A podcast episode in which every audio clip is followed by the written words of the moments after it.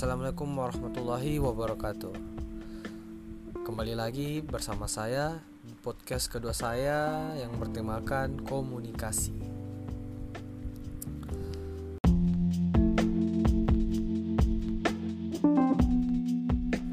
Berbicara tentang komunikasi, kita mulai dari kata apa? Apa sih itu komunikasi?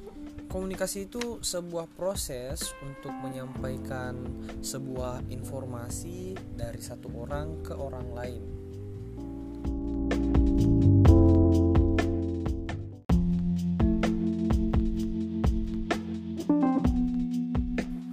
Nah, contoh, semisal uh, kamu memiliki ide, terus kamu mau nyampeinnya ke teman-teman kamu Nah, di situlah proses komunikasi terjadi. Tapi proses komunikasi itu memiliki unsur-unsur, dimulai dari pesan, komunikatornya, ada komunikan atau audiens, ada channel, media apa yang digunakan untuk menyampaikan komunikasi informasi itu, dan ada feedback atau umpan balik respon dari audiens komunikan.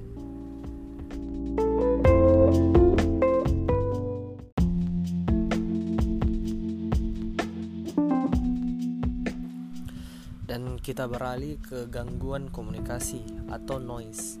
Noise ialah sebab yang mengakibatkan sebuah komunikasi itu kurang lancar atau dapat menimbulkan miscommunication.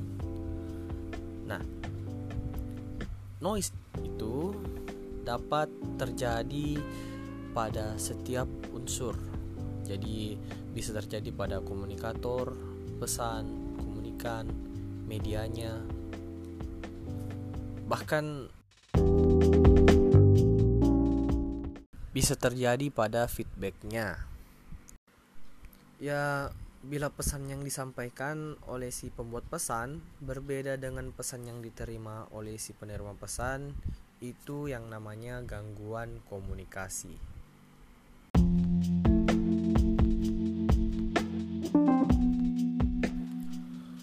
Oke, berlanjut ke siapa.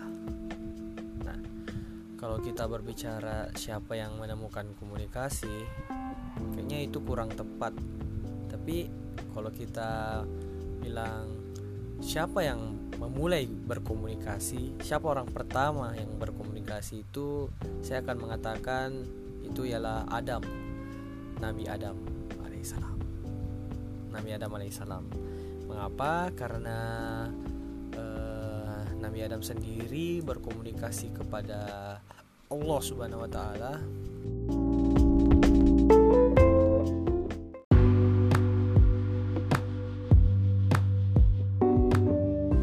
Oke, uh, saya lanjut ke segmen selanjutnya yaitu di mana komunikasi itu. Komunikasi masa kini menurut saya dapat ditemukan di mana pun. Saya berbicara tentang komunikasi interpersonal dengan pesatnya teknologi dan informasi yang memungkinkan kita untuk saling bertukar informasi kepada orang-orang melewati ruang dan waktu. Nah, selanjutnya, mengapa komunikasi itu penting? Ya, komunikasi itu penting karena kita adalah manusia, manusia yaitu makhluk sosial. Walaupun memang kita juga manusia individualis yang memiliki privasi masing-masing. Tetapi maksud poin saya tertuju kepada manusia sebagai makhluk sosial yang membutuhkan orang lain untuk hidup. Nah, selanjutnya, kapan komunikasi itu terjadi? Nah, kalau ditanya seperti itu, saya akan menjawab komunikasi itu terjadi ketika semua unsur-unsur komunikasi itu ada seperti komunikator, komunikan, isi pesan, channel atau media, dan feedback. Namun, ada juga komunikasi intrapersonal yang terjadi ketika seseorang berpikir, melamun, atau hal sebagainya. Dan ada juga komunikasi transendental, di mana komunikasi yang terjadi oleh manusia dengan Tuhannya. Segmen selanjutnya yaitu bagaimana komunikasi yang baik itu.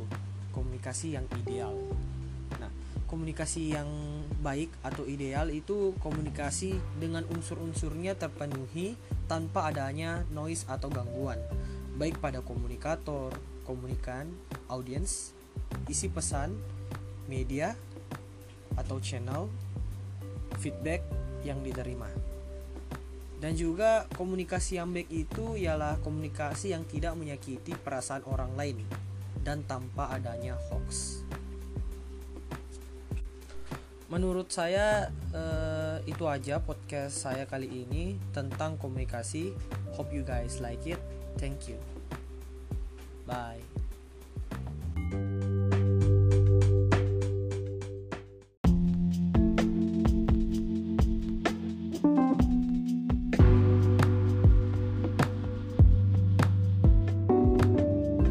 Juga uh, kepada Ahawa, Adam itu berkomunikasi serta anak-anaknya. Lalu kita perlu juga mengenal siapa-siapa saja yaitu bapak pelopor ilmu komunikasi. Yang pertama ada Harold, Harold Dwight Laswell, Paul Lazarfield, Kurt Lewin, dan Wilbur Schramm. Itulah bapak-bapak ilmu komunikasi yang patut kita kenang atas jasa-jasanya menemukan